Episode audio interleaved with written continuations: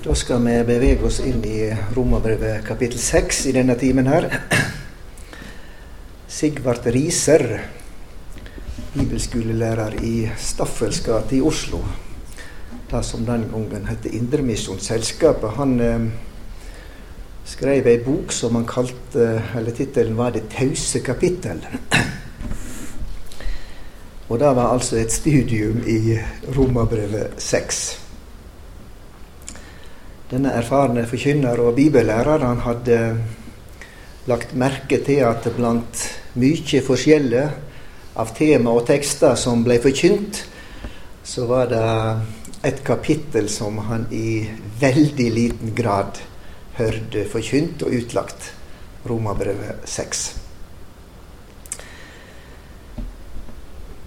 Eh, det har jo sin forklaring sikkert ved at eh, det ikke er det enkleste budskap å lære er nå én ting eh, rent teoretisk, men å eh, la det få innvirkning eh, på våre liv. Men det er jo veldig trist, for det er jo et frigjørende evangelium. Det er ordet om krossen fremdeles. Absolutt. Og det taler om den kraft som er i ordet om krossen. Nå er det slik at vi går inn i et nytt avsnitt i Romerbrevet når vi begynner å lese kapittel 6. Det er tre nye kapittel som da hører sammen. Kapittel 6, 7 og 8. Det dreier seg om helliggjørelse, som er jo et begrep. Så til og med med nynorskfolk holder bruker en helging, eller heilaggjering. Um, ifra kapittel 3, 21 og fram til kapittel 6 så er jo tema rettferdiggjørelse. Hvordan bli et syndig menneske et Guds barn? Ved tru på vår stedfortreder Jesus Kristus. Det vil si at Gud ved Jesu kross har gjort noe med syndig som skuld, gjeld, og som årsak til fordømmelse innenfor Gud. Syndeskyldig blir, bli fjerna ifra meg av Jesus stedfortredende straffelidelse. Men Gud har gjort noe mer med syndig. Han har òg gjort noe, sier Bibelen, med syndig som en maktfaktor i et Guds barn sitt liv. Så her i Romerbrevet 6 så blir syndig framstilt som en person, ja, som en herskende herre, som ei sterk makt som vil ha innflytelse i våre liv. Og etter at vi har tatt imot Jesus. Og så er det, så er det frigjørende budskap her i Romerbrevet 6 at eh, ved Jesu kross så er òg syndig som en maktfaktor bråten.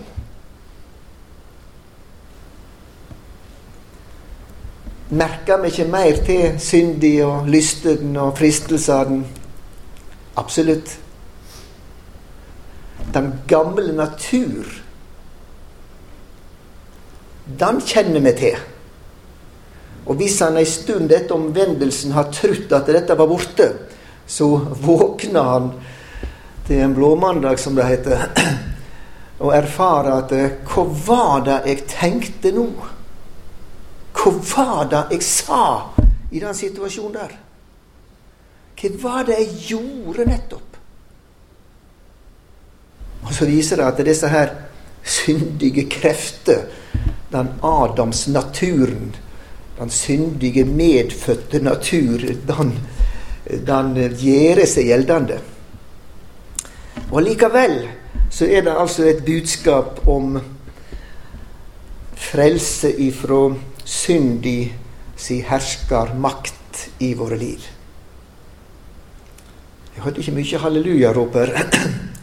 Det er ikke så ofte vi hører det i våre sammenhenger. Men tenk om det ikke var slik, da. Tenk at den som hadde levd et vilt liv i umoral, voldelig, storkjefta og bråkete, blei en kristen, fikk tilgivelse for sin synd, men levde akkurat som før. Det hadde i hvert fall ikke vært noe å rope halleluja for. Naturligvis er det stort å få ei frelst sjel og komme hjem til himmelen.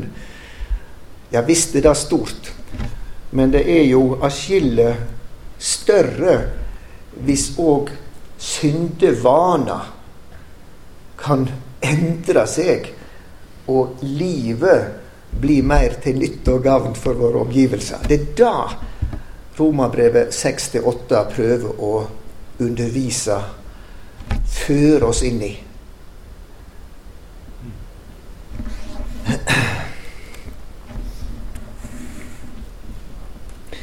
Vi kan begynne med å lese bare to vers. Og da kan vi kanskje minne hverandre om det som står eh, ganske i slutten av kapitlet før. For, for ting henger sammen. Det henger definitivt sammen. Der er det jo sagt i eh, andre del av vers 20.: Men der synda vart stor, vart nåden enda større. Større er alltid et hakk over stor. Og hvis synden er kjempestor, så er større enda et hakk over. Og da veit Paulus at eh, når du snakker slik om Guds store nåde mot syndige mennesker, så reises det et spørsmål. Og der tar han fram sjøl, da, i starten av kapittel 6. Hva skal vi da seie? Skal vi holde fram i synda, så nåden kan verta så mykje større? Langt ifra. Slett ikke. Eller helt presist, egentlig, måtte det aldri skje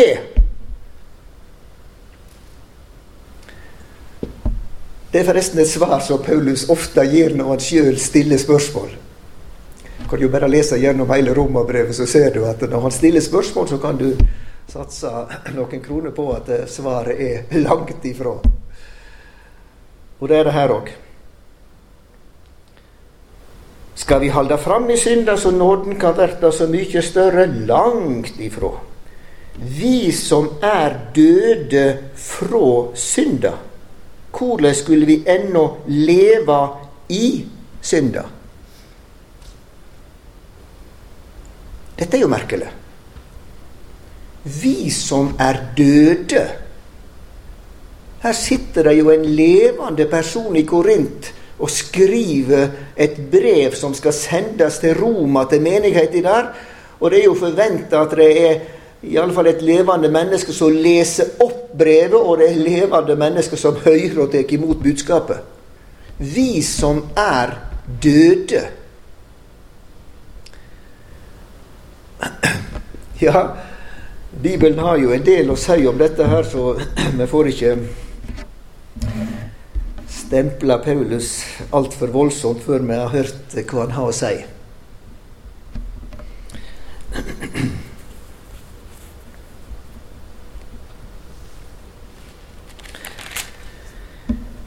vers 3. Eller veit det ikke at alle vi som vart døypte til Kristus Jesus, vart døypte til døden hans? Veit du det? Paulus stiller spørsmålet til menighet i Roma, hver enkelt der. Eller veit det ikke at alle vi som vart døypte til Kristus Jesus, vart døypte til døden hans? Er det det det er snakk om? Er dåp død?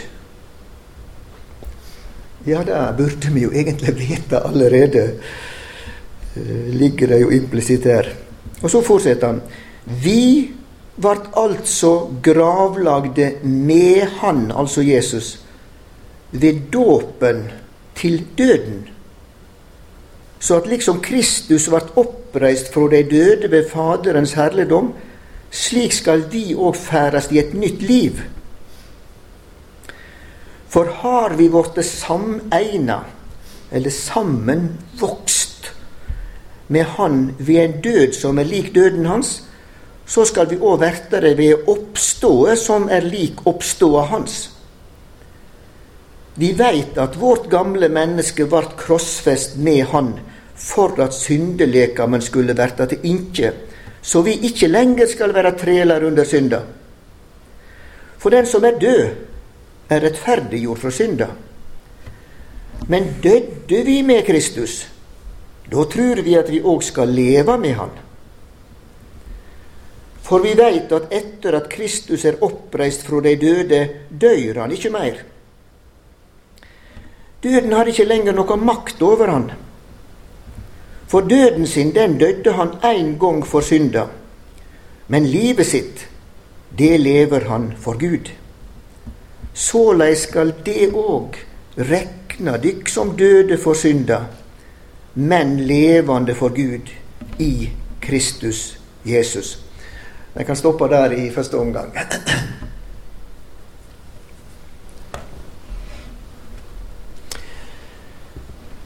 Når et menneske blir døpt til Jesus Kristus, så blir mennesket slik som Gud betrakter det.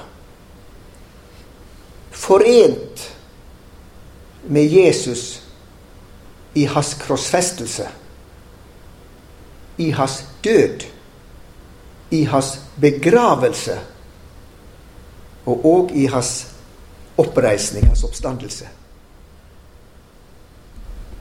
Har du tenkt på det? Det er som om tid ikke eksisterer for den evige Gud.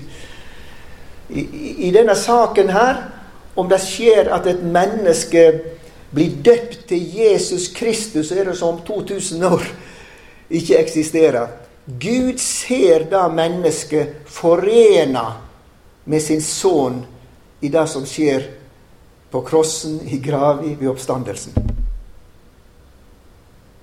Det er det Guds ord sier. Og vi har en gallupundersøkelse, og vi undersøker i menighet i vår, og det er et flertall mot dette her, så rokker det ikke ved hvordan Gud betrakter saker og ting.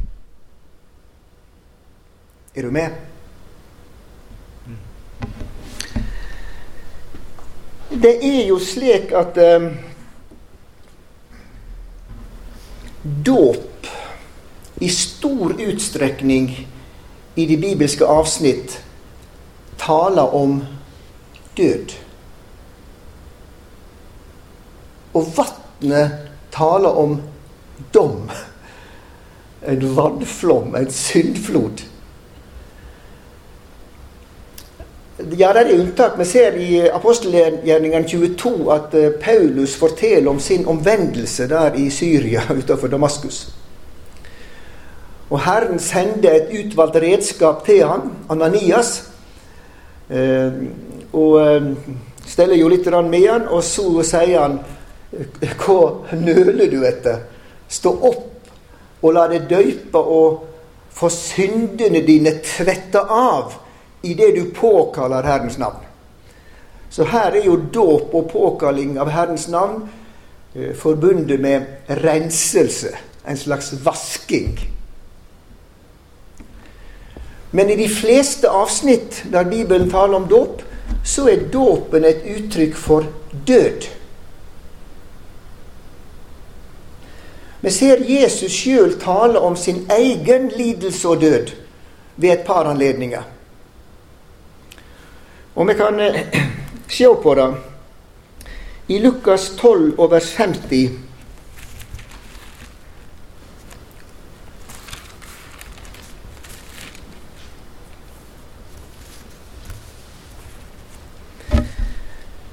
Men jeg har en dåp jeg lyt døypast med, og hvor jeg gruer meg. til han er fullført. Det er vel ingen tvil om at det her er da sin lidelse og død som han omtaler som en dåp som han lyter døypast med. Vi kan òg se i Markusevangeliet 10,38.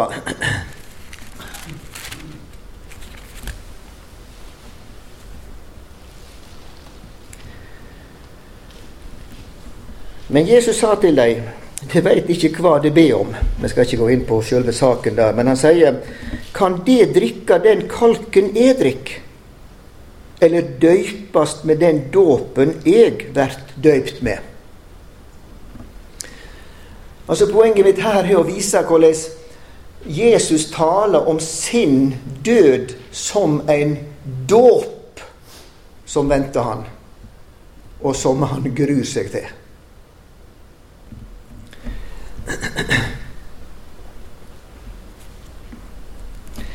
Vi har et par avsnitt i Det gamle testamentet som Det nye testamentet tar tak i og forkynner dåp ut ifra.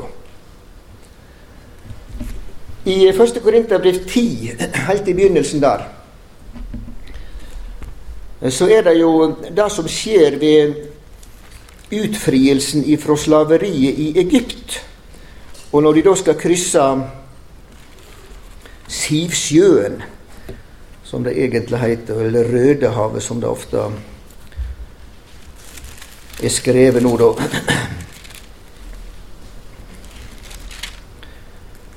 Første Korinterbrev 10 i begynnelsen der.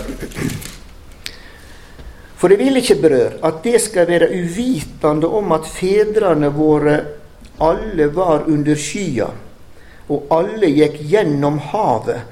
Alle vart døypte til Moses i skya og i havet. Så her er det veldige vassmengder, rikelig nok til å utslette hele fara og sin hær med hester og mennesker.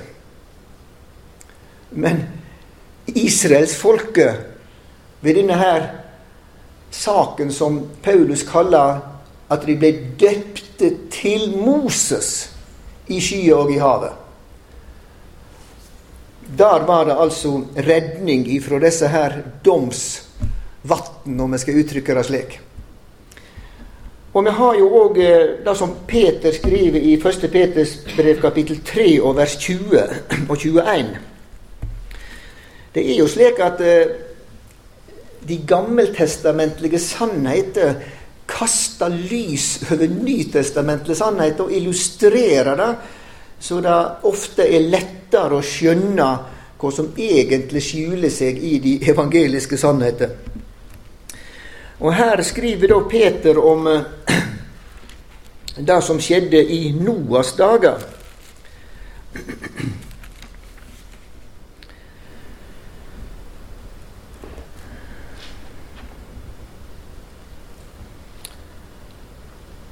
Ja, Vi kan nå gå inn i vers 20, selv om det er noe midt i en setning. Ehm, de som før hadde vært ulydige den gangen i Noas dager, da Guds langmo venta medan arka vart bygd. I henne vart nokre få, det er åtte sjeler, frelste gjennom vatn. Det som nå òg frelser oss i sitt motbilde, dåpen. Nå er det jo ikke slik at eh, det er vatnet som er deres frelse. Det er jo, det er jo vassmengden, denne syndfloden, som, som utsletter mennesket og alle skapninger på landjorda. Det er et uttrykk for, for dom. Men det som frelser, det er jo den ark som Noah og sju andre tok sin tilflukt i. Og så var det arken som fikk alle disse brottsjøer og bølger og strømmer. Du kan jo lese mange av de messianske salmer, f.eks. salme 69.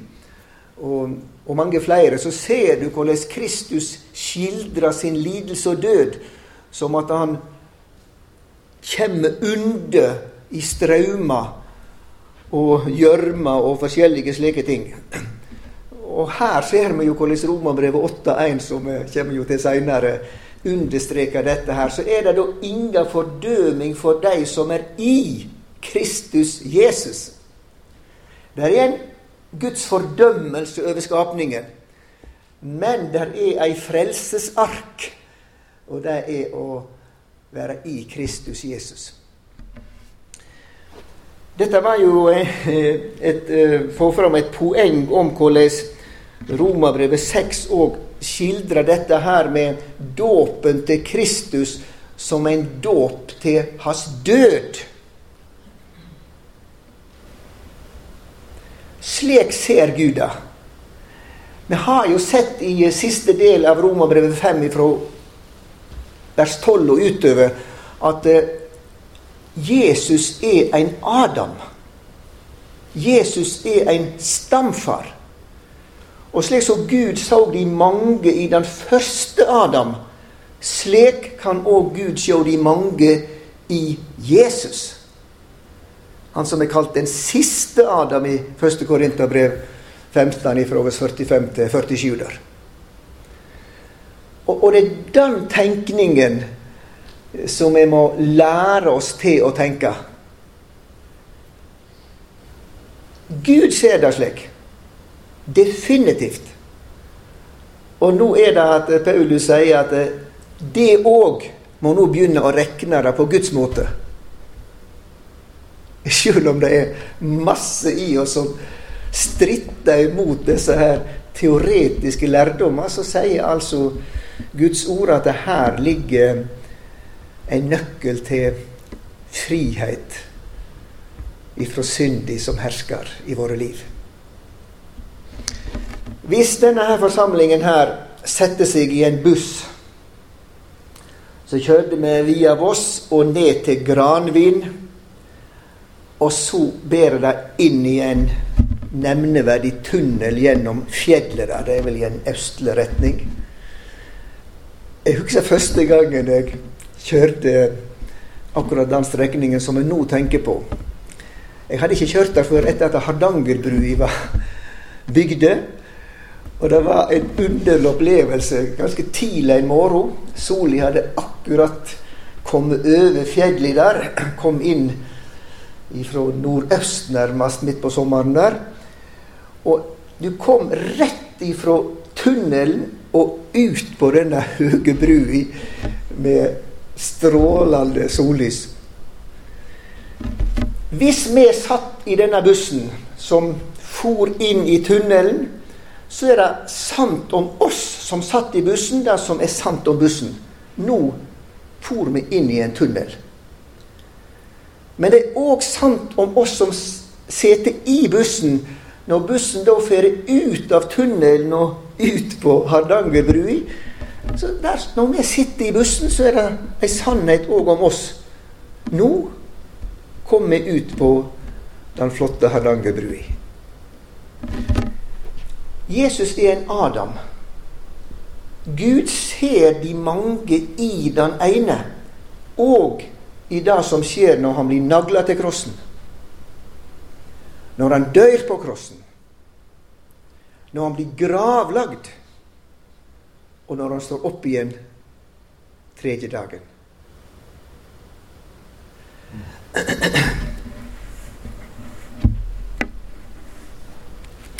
Vi har jo et veldig flott eh, avsnitt i slutten av 2. Korinterbrev 5. Vi skal lese litt der i begynnelsen, i denne omgang i alle fall.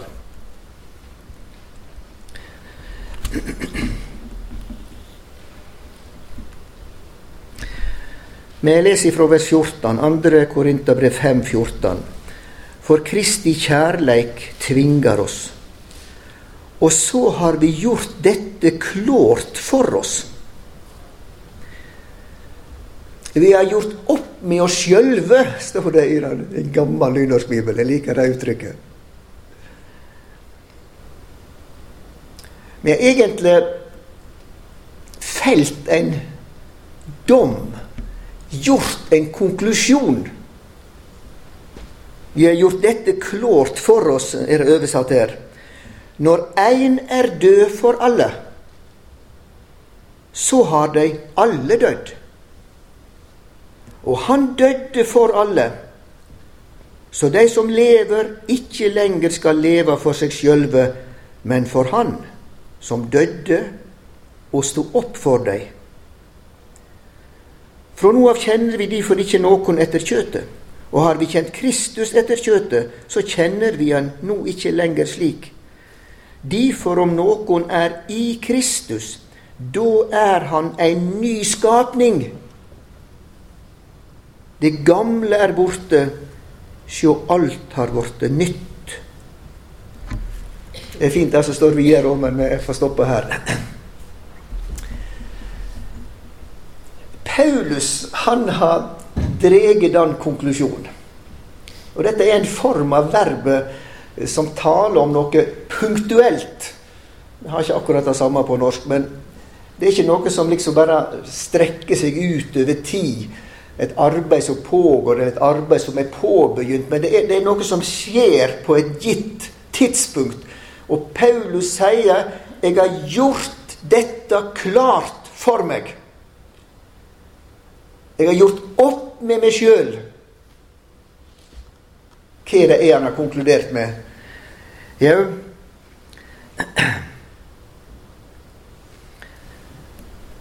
ja, Nå gikk jeg vekk fra avsnittet. Når én er død for alle, så er de alle døde.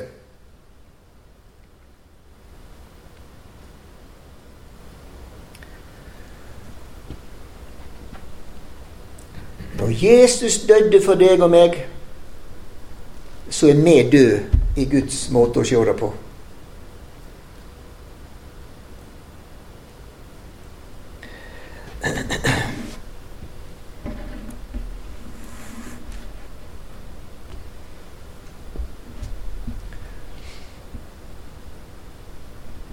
Døypte til Moses i skya og i havet. Første Korinterbrev 10, les med.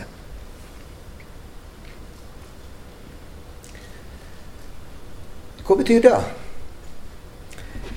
Jo, hele sammenhengen forteller jo at de hadde et forferdelig trelleliv i Egypt.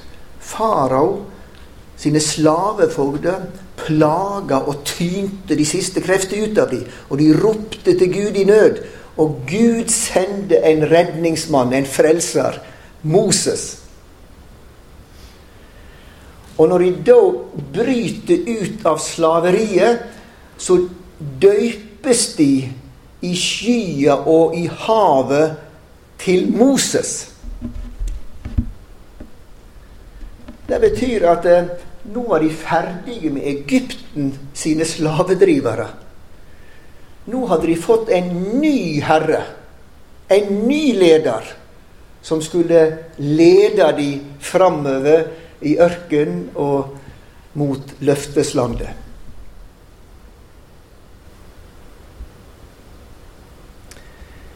Det å være døypt til Kristus Jesus er å være døypt til hans død, begravelse og oppstandelse for at liksom han er ferdig med syndig og døden og lever sitt liv for Gud.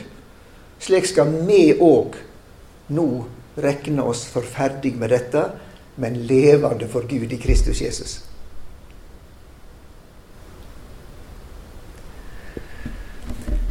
Er vi villige til å gjøre det som Paulus gjør, og bare slå fast at når Gud betrakter det slik, så vil jeg òg betrakte det slik?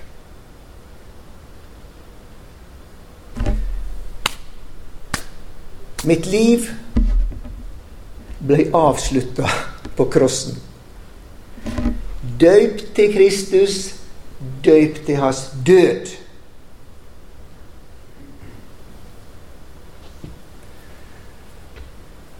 Og når en person er død, så er det egentlig ikke noe å ta vare på lenger. Det må legges i et grav, det legemet som er igjen der.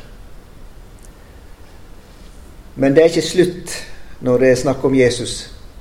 Det kommer en oppstandelse på den tredje dag.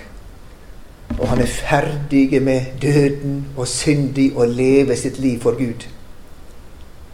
Og så sier Paulus Slik må du betrakte deg sjøl som en kristen. Har du lagt merke til noe litt underlig når det gjelder utgangen av Egypt? Eh, I kapittel 3 der i andre Mosebok så kaller jo Herren Moses. Og så får han beskjed om å tre inn for farao i Egypt. Og hva er budskapet? Hebreerguden har møtt oss. Gi oss lov til å dra tre dagsreiser ut i ødemarka for å tjene Herren. Det kan vel tjene Herren her. Kjem ikke på tale, sier farao. Nei, det aksepterer jeg ikke, sier Moses, litt med mine egne ord. Så sender Gud plage innover Egypt. Og så trer Moses og Aron framfor farao igjen og sier det samme. Du må gi oss lov til å dra tre dagsreiser ut i øydemarka for å tjene Herren vår Gud. Det menn kan reise. Det får være nok. Nei, sier Moses, vi må reise alle. Kommer ikke på tale. Nye plager. Det kom jo totalt ti sånne landeplager, som dere sikkert kjenner til. De trer fram for han igjen med samme budskapet. Ok, da. Men barna må være igjen. Nei, de må være med. Glem saken.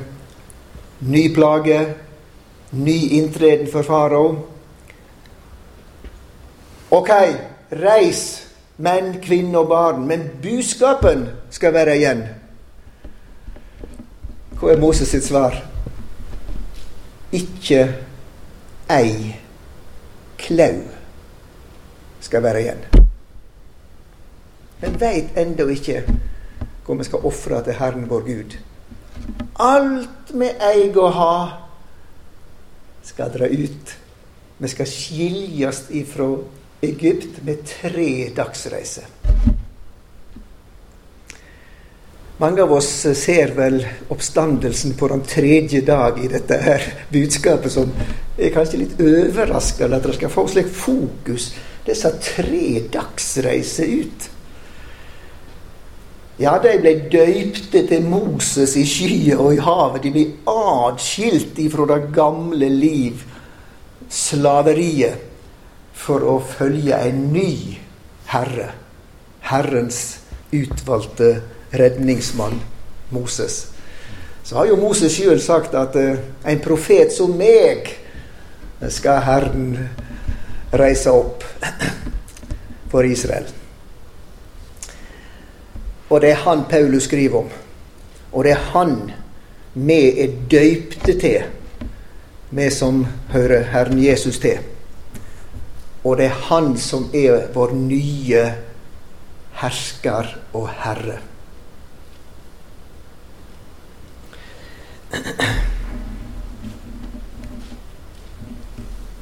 en ny skapning. Skal jeg, skal jeg, trene meg til å regne det slik som, som Gud regner det? Den gamle Gunstein sitt liv ble avslutta i Jesu død og begravelse. Og når jeg oppstår med Kristus, så er jeg en ny skapning. Jeg er ikke et Adams menneske lenger ut ifra det som står her. Jeg er et Jesus-menneske. Ny skapning i Kristus Jesus. Jeg tror det ligger så ufattelige hemmeligheter i dette her budskapet som mange av oss i Vesten i liten grad har grepet og gjøre til en virkelighet i våre liv. Og Derfor er det mye motløse og oppgitthet og pusleri. Sliten av oss sjøl, sliten av våre syndevaner, våre fall og våre nederlag i tanke, ord og gjerning. og at Ting blir ikke annerledes. Jeg har prøvd å skjerpe meg, men faller tilbake i det samme. Ja, jeg må lære meg til å regne som Gud Ikke fokuser på det du er deg sjøl. Betrakt det som avslutta, og så fryder du deg i den nye skapning. Og her i ligger altså ei kraft og en mulighet til å bli hellig jord. Helliggjørelse. En um, kristen vekst, en, en modning, en god utvikling. Slik at mennesker omkring meg opplever meg som et hyggeligere menneske, et bedre menneske, et mer oppofrende menneske, osv.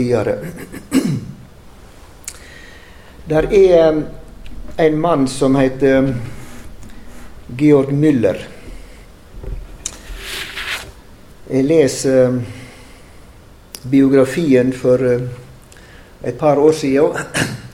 Jeg ser jo at Marie Monsen, første tiden i Kina, der hun strever med seg sjøl og sykdom og utfordringer helsemessig og alt mulig, og så kom hun over eh, en av biografiene om Georg Müller. Han var jo en tysker som som en ungdom flyttet til England, og etter hvert så begynte han å bygge opp barneheimer. Og han ble leder til at han aldri skulle be mennesker om penger. Men han ba veldig mye til Gud. Jeg tror ikke det er mange etter Paulus som har vært sånne bønnekjemper som, som Georg Müller. George Müller, de borte i England. De bygde svære bygninger. De tok inn fattige, hjelpeløse barn. Mat og klær, oppdragelse, undervisning, nye bygninger osv. osv. Svimlende beløp i ei tid med fattigdom i England. En forunderlig mann. Les gjerne dette her. Men det som er hovedpoenget mitt i denne her bibeltimen her, det er jo at det i slutten av boken så er det nevnt en del viktige ting ved denne mannen sitt liv. Det tredje var lydighet. Så kan du bli nysgjerrig på hvor den første og andre er, men ubetinget lydighet mot Guds ord, som var Guds vilje. Det er visst nødvendig ennå en gang å understreke dette. Det inneholdt hans frelsesgrunn. Det inneholdt alt som hører med til liv og gudsfrykt. En venn som en gang spurte ham om hemmeligheten til hans liv, svarte ham Det var en dag da jeg døde. Døde helt. Døde fra Georg Müllers meninger, smak, behag og rettigheter. Døde fra verden, dens godkjennelse og gunst. Døde fra dens daddel og ros. Og siden denne dag har jeg bare tenkt på en eneste ting, hvorledes jeg skulle være min Herre og Frelser til behag. Og så skriver forfatteren av boken Vi minnes uvilkårlig Paulus' ord. Jeg lever ikke lenger selv men Kristus lever i meg. Og det liv jeg nå lever i kjødet, det lever jeg i troen på Guds sønn, som elsket meg og ga seg selv for meg. Galaterbrevet 2, 20. Jeg leita litt i noen av bøkene til Marie Monsen. Jeg har lest dem mange ganger. Utrolig flotte vitnesbyrd. Jeg fant dem ikke i farten, men jeg husker at hun skriver akkurat noe om dette sjøl òg hvordan hun kjente de syndige krefter i sitt liv. Misunnelse og sjølhevding og så videre og så videre. Og, og denne prosessen hun liksom kom fram til akkurat den samme konklusjonen En død person blir vel ikke bitter. En død person blir vel ikke sur og grinete. En død person blir vel ikke misfornøyd, osv., osv. Såleis skal vi òg rekne oss som døde.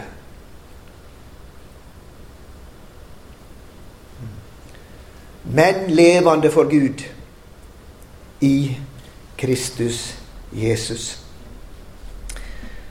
Kanskje jeg skal avslutte første timen her, så fortsetter vi om noen minutter.